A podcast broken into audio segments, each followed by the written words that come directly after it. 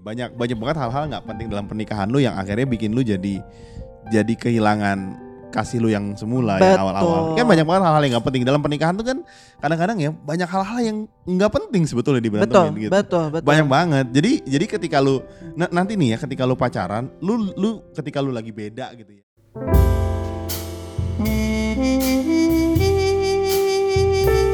Beb,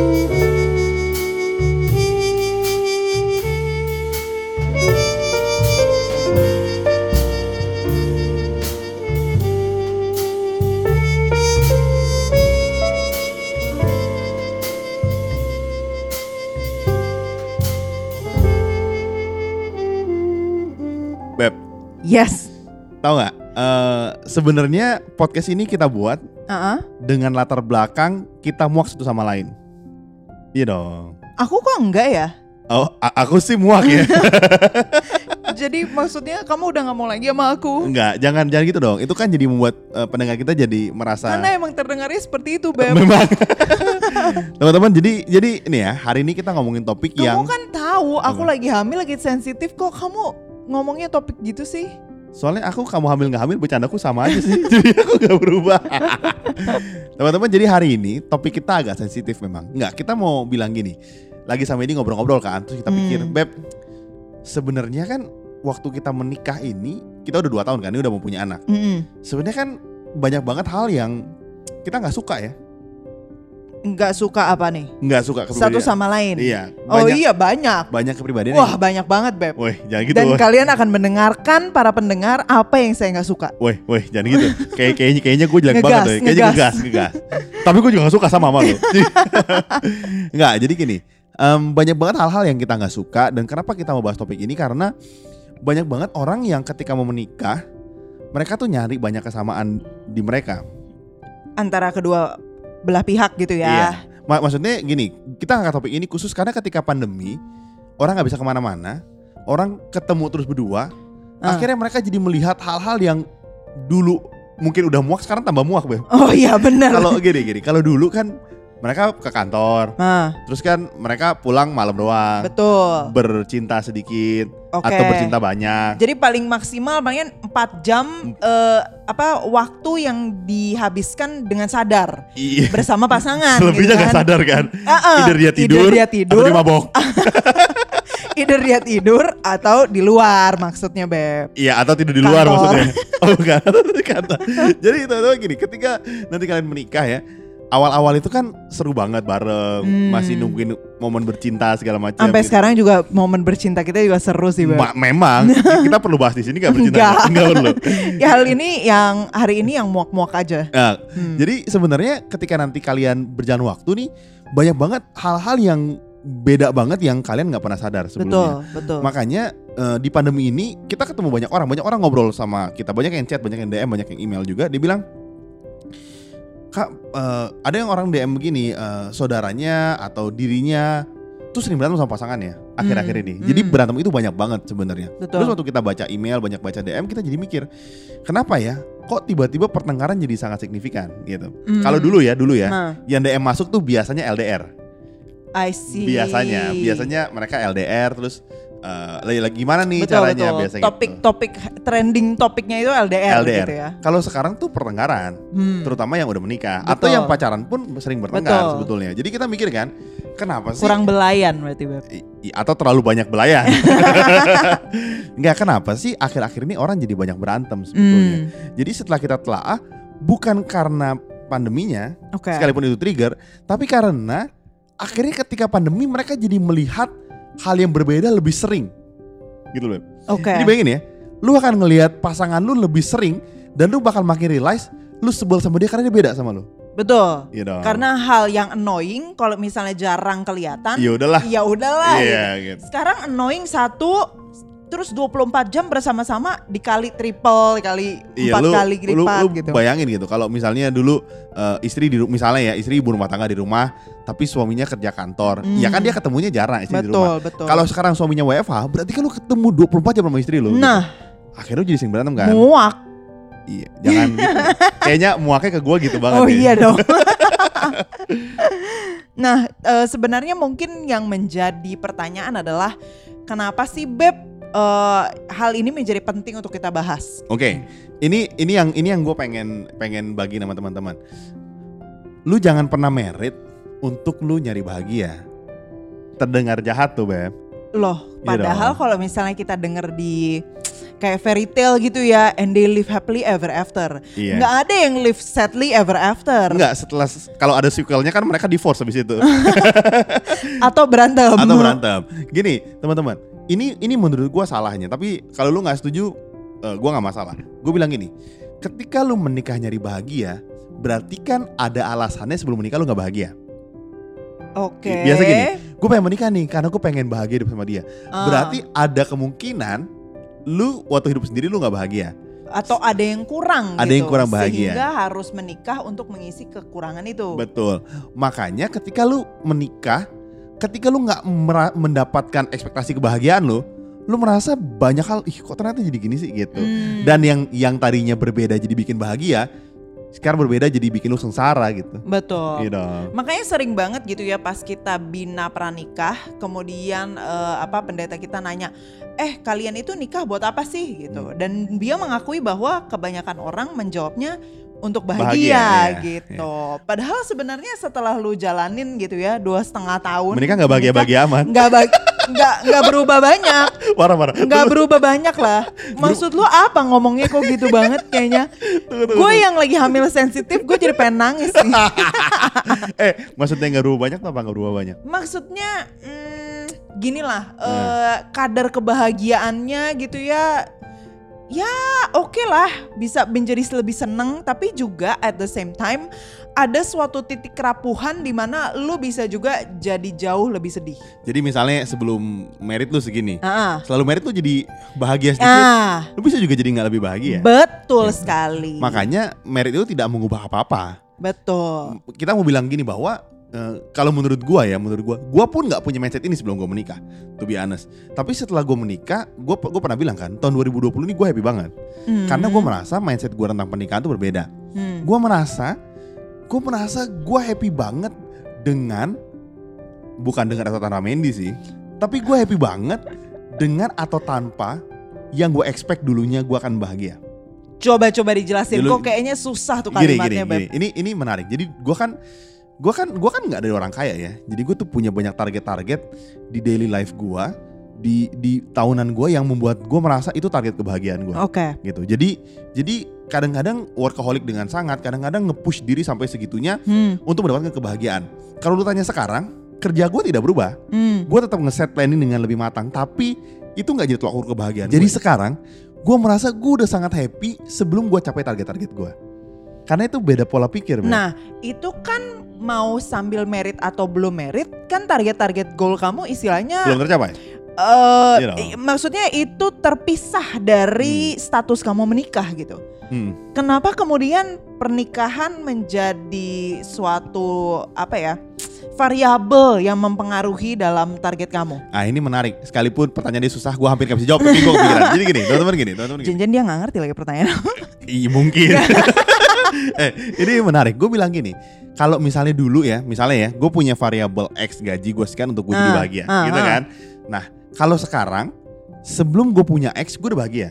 Oke. Dan pernikahan gue membuat gue ingin membagi kebahagiaan gue sama pasangan gue. Hmm, Jadi ketika mindset lu, lu happy hidupnya Oke. dan pasangan lu adalah tempat lu berbagi kebahagiaan sama pasangan lu, Oke. itu membuat mindset lu kan berubah. Lu tuh jadi terus happy terlepas target lu achieve atau enggak. Sekalipun hidup lu masih punya target ya. Betul betul. Maksud gue gitu. Misalnya contoh gini, gue tuh suka banget godain Mandy. Jadi menurut gue, sekalipun gue gak achieve target gue, ketika gue godain dia, gue bahagia. Oh my god. Nah, Oke, itu kan, siap maksudnya. siap. Itu Jadi target juga. kebahagiaan kamu itu berga- berbanding lurus dengan godain gue. Ih, lu bisa bilang gitu. Jadi teman-teman, gue bilang gini, ketika lu bahagia karena, ketika lu bahagia karena pasangan lu bisa ngasih lu ini, itu yang jadi bahaya. Hmm, Karena nanti kan someday dia nggak bisa ngasih. betul Dan lu betul. nggak jadi bahagia, lu jadi uring-uringan. gitu. Betul, betul. Tapi in a way gue agak setuju nggak setuju nih. Wih. Karena gimana pun juga prinsip gue sih ya, prinsip Hmm. gue.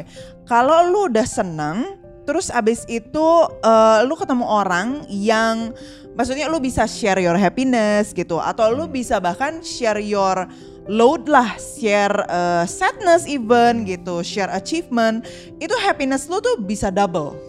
Jadi in a way sebenarnya pernikahan bisa mempengaruhi kebahagiaan juga. Oke, gitu. iya. In that sense Ya, gitu ya, ya. ya. Dalam artian kalau lu memiliki pasangan yang bisa sharing apa pun, baik Ya. itu kebahagiaan maupun kesedihan. Dan keisangan juga. Kamu bisa sebut dong. Enggak Karena itu kalau aku itu itu nggak berlaku buat gue soalnya. Oh, itu berlaku buat gue Iya. soalnya.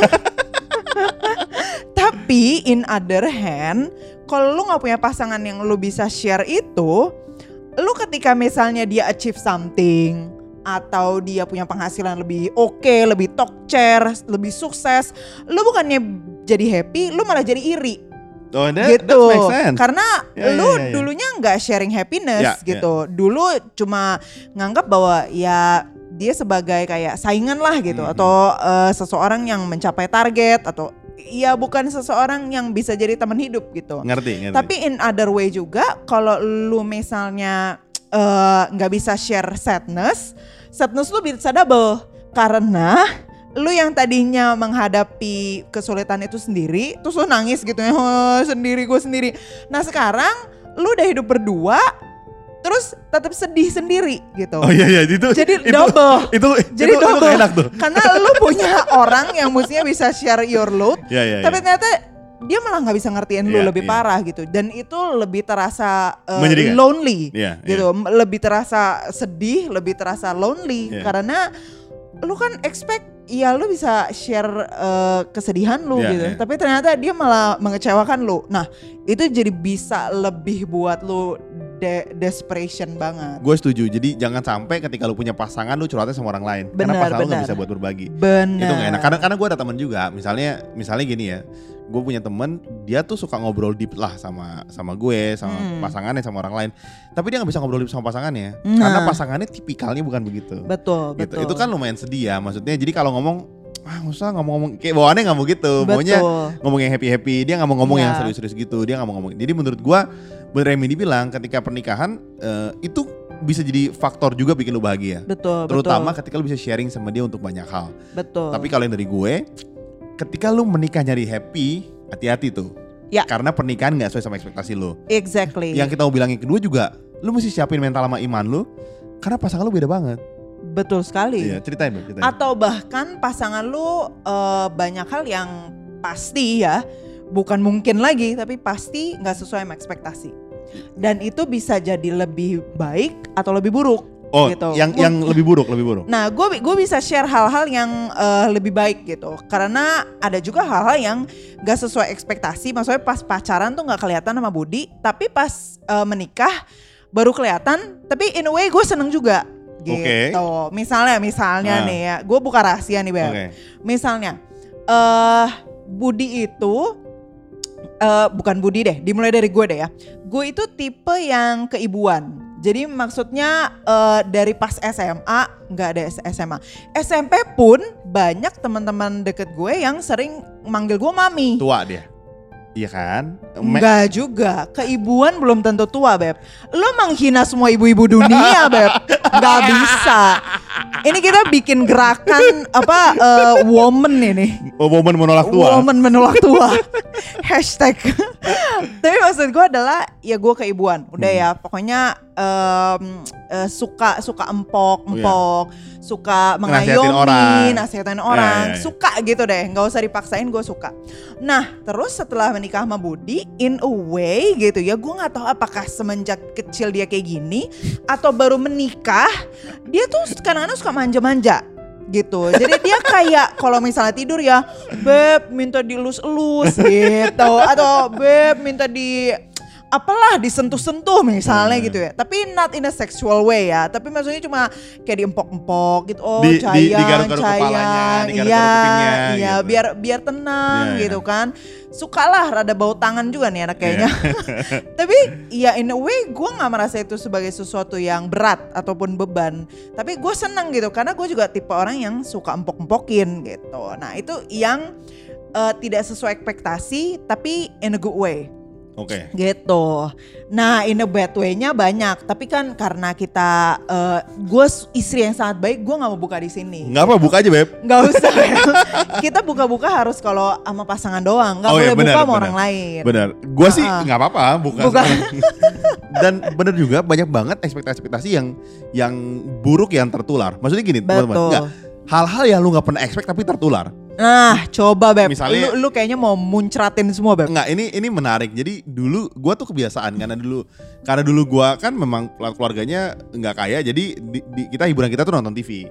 Di kamar kita ada TV. Jadi Hmm. kebiasaan di rumah gue kalau tidur tuh setel TV Oke. gitu. Nah, jadi gue tuh terbiasa dengan suara-suara ambience gitu. Jadi kalau gua ke WC pasti ada setel YouTube, Bunyi, uh, uh, ada bunyi-bunyian lah. bunyi-bunyi Uh, uh. gitu. Kalau di kamar juga nonton YouTube terus tidur ketiduran. Uh, uh. Nah, ini dia suka marah-marah. Karena dia, di- dia Annoying. annoying kan. Yang kedua kan bahaya juga kalau tidur sinyal tuh deket di kepala lo gitu. Nah akhir-akhir ini sekarang gantian dia. Dia yang tidur di sebelahnya iPad gitu loh sambil nonton Netflix. Nonton apa aja gue kayak, hmm, kok enak jadi ikut gue gitu. Padahal Ah. gue aja merasa, jadi awal-awal menikah, gue merasa habit gue mulai hilang. Gitu. Ah. Terus sekarang-sekarang habit gue muncul lagi orang dianya juga begitu sama kayak gue. jadi itu itu kan hal-hal yang lu gak pernah expect Jadi tertular. jadi tertular gitu. Atau misalnya gue yang tadinya nggak baca, sekarang gue jadi baca. Sama Ah. dia jadi eh, kompetitor sekarang. Itu kan Nah, juga gak pernah gue expect. Betul. Itu yang bagus. Itu yang gitu bagus. kan. Jadi jadi ketika kalian menikah, jangan kalian pikir gini ya. Tenang, nanti gue akan pengaruhin dia. Ah, Nggak bisa. Nanti gue akan merubah dia. Nggak bisa. Nggak bisa. Nggak bisa. Terkadang yang terjadi di other way. The other way Lu gitu. jadi ikut-ikutan jelek Iya. misalnya gitu. Karena karena lu kagak pernah tahu kan ketika di pernikahan kan gini. Ini ini teman-teman menarik ya gini gini. Hal yang lu pegang ketika lu masih single Hmm. bisa jadi hal yang gak lu pegang lagi ketika lu menikah. Wow, itu dalam banget dan Nggak, kayaknya itu- butuh itu serius. klarifikasi. Nggak gini, hal yang hal, hal yang lu pegang ketika lu misalnya gini. em, misalnya ya, gue susah jelasin ya. Misalnya gini ya. Mandy punya sebuah value yang dia yakini banget gitu. Oke. Misalnya dia dia kan tipe pengajar yang sangat jujur, hatinya baik gitu kan. Terus Oke. kayak yang sangat-sangat tau gak? Kayaknya ini endingnya nggak enak nih. Bukan, maksud gue gini, lu kalau tahu Mandy, Mandy itu tipe seorang Mandy kan dosen pengajar yang jujur, baik segala macam gitu. Sedangkan gua eh, nggak nggak pernah jadi dosen, gue liat banyak orang jahat, jadi gue merasa ini orang jahat nih gitu. Hmm. Nah, value yang dulu dia pegang sebagai seorang pengajar, akhirnya mulai berubah kan. Gue nggak bilang jadi buruk berubahnya, tapi gue bilang dia jadi lebih beradaptasi mana yang buruk mana yang baik buat dia. Hmm. Dulu dulu pandangannya semua hal tuh baik, sekarang jadi lebih enggak. Utopia lah, utopia. Iya, u- u- Iya. eh, utopis, Utopis. utopis. Jadi semua jadi baik. Sekarang enggak. Jadi maksud gua, hal-hal yang lu pegang bisa berubah ketika lu menikah. Gitu. Kadang-kadang karena gini, Prinsip-prinsip. prinsip-prinsip gitu. Betul. tapi banyak juga yang nggak berubah. Ada Betul. juga yang yang makin makin kuat gitu, makin Betul. dipertegas. Tapi ada hal-hal yang jadi berubah. Jadi ket- ketika lu ketika lu menikah, jangan pernah lu merasa lu bisa ngubah dia yang pertama. Betul. Atau jangan pernah lu merasa eh gua nih baik, dia nih buruk. Jadi dia akan ikut Hmm. gua gitu. Kadang-kadang yang menurut lu buruk buat lu, ternyata itu baik di situasi tertentu. Betul. Gi- Gitu betul, kan? betul, betul. Lu bilang ini, ini orang kok jahat banget sih. Medi suka bilang sebelum gue merit, ini orang jahat banget nih, gitu. Dan sekarang setelah kita menikah, gue merasa, hmm, Beb tempat kamu lebih jahat ya dari gue. Jadi kan point of view-nya berubah. Gue nggak bilang hidup jahat baik, tapi gue bilang eh, ketika lu menikah banyak banget hal-hal yang mempengaruhi hidup lu. Jadi jadi eh, ini poin dari gue. Ketika lu merit, lu jangan bilang gini ya. Ih senengnya kita hobinya sama. Hmm. Ih senengnya kita sama-sama suka nonton film. Nah, Banyak orang bilang ih enaknya Budi sama Medi sama-sama musisi. Nggak enak eh men. belum tentu. Gak enak maksud gue contoh gini eh, Misalnya gue suka ledekin Mandy kan dia eh, pemain musik bagus solvenya apa segala macam Jadi gue suka nyanyi fals dia suka marah Gue ledekin terus gue nyanyi fals terus dia marah terus gitu Jadi jangan lu pikir semua yang musisi tuh merit sama-sama enak Hmm. Karena kita bisa annoying satu sama lain Ah, sebetulnya. Nggak cuma musisi sih, semua orang yang memiliki jejak karir sama lah. Iya iya iya. Either itu lu sama-sama psikolog, sama-sama chef gitu. Karena mungkin lu punya approach yang beda. Betul, Atau betul. dalam hal ini keahlian skill yang memang berbeda sih. Betul Gua gua mau dulu Enggak, gue gue Oke. maksudnya mau menghina lu sih sebenarnya. Parah banget parah banget Maksudnya skill gue lebih bagus. Jadi gini ketika lu pacaran Daripada lu nyari hal yang sama lakuin bareng Mendingan lu temukan hal yang beda Dan lu pikir-pikir Lu bisa terima gak nih yang beda Hmm. Karena ketika lu nanti merit Hal yang beda ini akan di-emphasize lebih gede jadinya Nah, Iya dong itu gue setuju banget. Iya dong. Hal yang beda Misalnya Benar. contoh gini Misalnya contoh gini Misalnya Misalnya gua gua itu Mandy tahu kan, gua tuh kan suka nembak-nembak air di toilet. Kamar mandi. Kamar mandi. Kan ki- kita kan punya shower terus kita punya semprotan air. Oh my goodness. Nah, dulu kan gue suka nyemprot-nyemprot dari semprotan WC-nya Nah, kan. itu. Sekarang Alias buang-buang air guys. sekarang tempat mandinya gue buka terus, jadi lebih parah lagi buang-buang. Ya. Lebih banyak lagi pengborosan. Nah, enggak, jadi jadi jadi teman-teman kadang-kadang gini, hal-hal yang beda yang lu pikir itu dulu sederhana, coba lu cari tahu deh latar belakang keluarganya, Hmm, habit dia daily life-nya. Karena ketika lu menikah, dia kan nggak nggak merasa perlu jaim lagi sama lu kan. Betul. Jadi itu akan di-emphasize dengan sangat gede. yes. gitu atau misalnya dulu suka kentut sembarangan Eh, Ah. sorry sorry sorry sorry tapi Ah. tetap kentut sembarangan nanti kalau menikah kentutnya nggak pakai sorry lagi langsung langsung man. Biasa Langsung. kentutnya cuma weekend doang pas kencan. Eh, sekarang, Sekarang kali 24 jam kali 7 hari. Nah, itu lo bayangin deh. itu itu itu bener kan beb Benar, tapi menurut aku eh, yang menjadi suatu permasalahan atau yang lu mesti eh, persiapkan adalah mental dan lu punya perjuangan gitu. Hmm. Istilahnya gini, ada banyak hal yang eh, nggak bisa kita ubah dari pasangan, ataupun bisa tapi nggak semudah itu Hmm. atau nggak secepat itu Hmm. gitu. Dan gua rasa penting juga bagi seorang eh, suami atau istri ya untuk bisa menerima dan juga mempersiapkan mental dirinya untuk ya menerima bahwa pasangannya nggak bisa nggak bisa diubah. ada hal yang lu nggak bisa kontrol men Benar, benar. Iya kan? Jadi maksudnya misalnya nih, aduh suami gue suka buang sampah sembarangan gitu. Atau yang yang gue paling paling sebel gitu ya, kita punya kadar em, apa ya? Kita Plastik. punya iya, bentar. Kita punya kadar eco friendly itu sangat berbeda. Gitu ya. harus eco friendly Jadi jadi gue itu sangat mencoba gitu ya. Gue enggak enggak sepanatik yang sampai eh, zero waste banget. nggak enggak. fanatik dia Enggak enggak, tapi maksudnya buat gue kalau nggak perlu pakai plastik ya ngapain pakai plastik. Tapi kalau Budi bilang ya toh udah ada plastik, kenapa nggak digunain plastiknya? Enggak, Gitu. enggak, enggak. Eh, nih, nih, nih, nih Gitu. gue mau bilang. Gue mau bilang sama lu soal kadar eco-friendly men. Kita lagi jalan ke suatu tempat lah. Terus kita pengen beli gorengan. Dia nggak jadi beli karena pakai plastik. Nah, Gua sih deep down kesel ya. Terus gue bilang padahal nggak merugikan dia guys. Enggak, iya gua kesel tapi maksud gue gini. Jadi lu maunya apa? Lu mau siapin piring di di di mobil untuk kalau kita beli makanan kita pakai piring.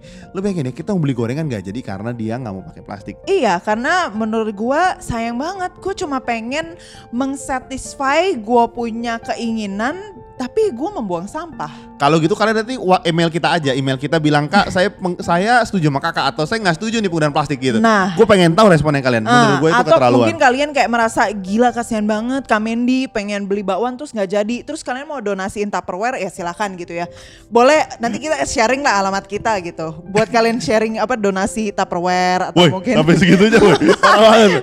tapi maksudnya eh, itu itu sesuatu yang sering kali kita berbeda Berantem, gitu iya iya iya. dan eh, to be honest setelah dua setengah tahun pernikahan ya gue nggak bisa ngubah Budi gitu. Dan in other hand juga Budi nggak bisa ngubah gue.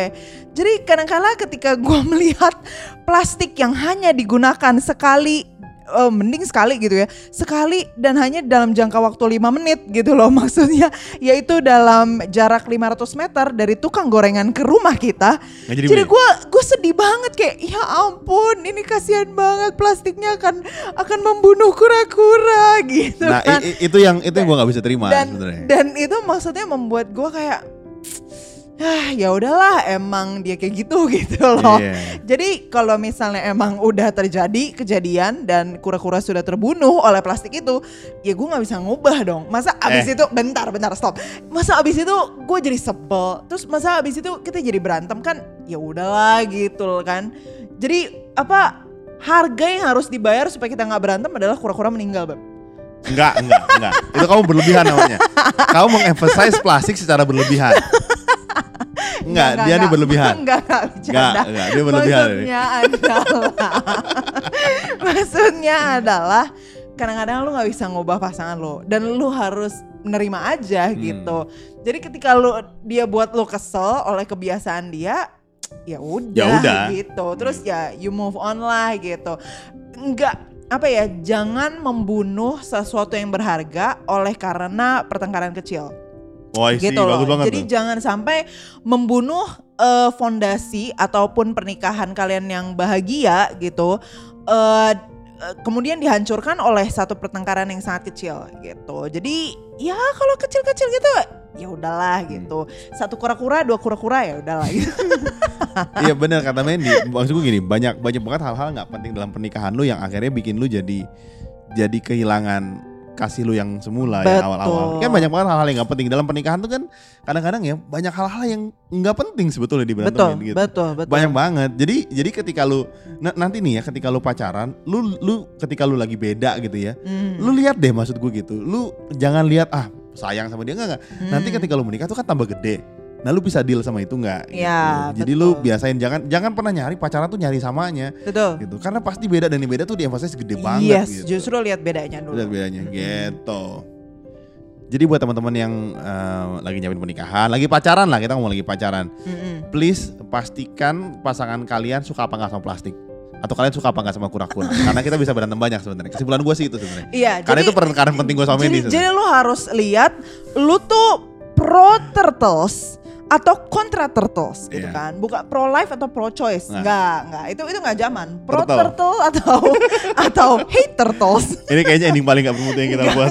enggak mutu banget Buat teman-teman, gue mau bilang bahwa inget ya, dua orang hidup bersama tuh susah. hmm, Susahnya bukan karena finansial sering kali. Betul. Itu faktor. Susahnya Betul. bukan karena orang mertua atau orang tua lu. yes Tapi susahnya karena lu tuh tidak menyadari betapa bedanya kalian berdua. yes Gitu. Lu lu tidak pernah melihat yang beda dulu dan yang sekarang itu lu jarang lihat ke awal-awal. betul sekali Jadi gue make sure bahwa lihat itu perbedaannya, dinikmati dan ketika lu menikah, lu akan menikmati banyak perbedaan itu dengan berbagai banyak komprominya. Betul. Yeah. Terus gue inget akan satu apa ya postingan lah di Facebook yang pernah gue lihat. Jadi dia bilang bahwa lu hidup single eh, atau lu hidup berdua, misalnya menikah gitu ya, Mm-mm. sama-sama susah gitu. Lu hidup single mungkin susah karena ditanyain kapan menikah, kapan Hmm. menikah atau kapan punya pacar. Tapi menikah juga in a way susah, Susah. karena lu harus uh, dealing with spouse yang different gitu. Sebenarnya bukan ada yang gampang tapi susah. It's just choosing your heart Ya. gitu loh. Jadi sebenarnya tinggal lu pilih aja lu mau yang sulit yang mana. Mau sulit hidup sendiri ya nggak apa-apa juga gitu kan. It's it's your choice. Nggak ah setelah mendengar pilotok gue kayaknya lebih prefer single Udah, usah, usah, usah. nggak usah, apa usah. nggak apa-apa juga misalnya tapi in a way kalau misalnya lu choose untuk merit ya lu harus tahu bahwa Siapin banyak hal. siapin banyak hal dan it will be hard juga Iya. it, it will be a bumpy ride gitu Iya. A- a- a- apa tuh artinya? Bumpy ride maksudnya eh, genjel-genjel gitu loh Oh, kalau iya, iya. kalau naik mobil tuh eh, guduk guduk guduk Iya, guduk iya, iya, iya. gitu Tapi semua hal ada ada enaknya, ada oh ada gitu. dong beb enaknya Misalnya- mah enak banget Kita ngomongin konteks apa nih? ya udah teman-teman, Eh, buat kalian yang masih mau tanya, kalian bisa email kita ke pilotokpodcast.id at gmail.com dan juga kita nih sekarang punya IG dan punya TikTok. Akunnya sama yaitu @pilotok.podcast. yes jangan lupa di follow and subscribe Jadi sampai situ aja. Sampai jumpa di episode kita minggu depan. See ya. Kalian tahu nggak sih rahasia bagaimana kita berdua bisa bikin konten setiap minggunya secara rutin? Ternyata rahasianya ada di Nasi Padang. Jadi, gengs, tiap kali si Budi itu makan, Nasi Padang. dia punya kemampuan berpikir dan kreatif itu semakin meningkat. Jadi, kalau kalian mau beliin kita, Nasi Padang. boleh ke Karyakarsa.com slash pilotok ID. Tenang aja, aku kalau nasi Padang tuh murah kok. Nasi, sayur sama kuah, paling 10 ribu. Iya, karena kemampuan perut Budi akan bertambah dengan cepat kalau dia makan karbohidrat aja. Jadi, jangan lupa ke karyakarsa.com slash pilotokid untuk support kita ya.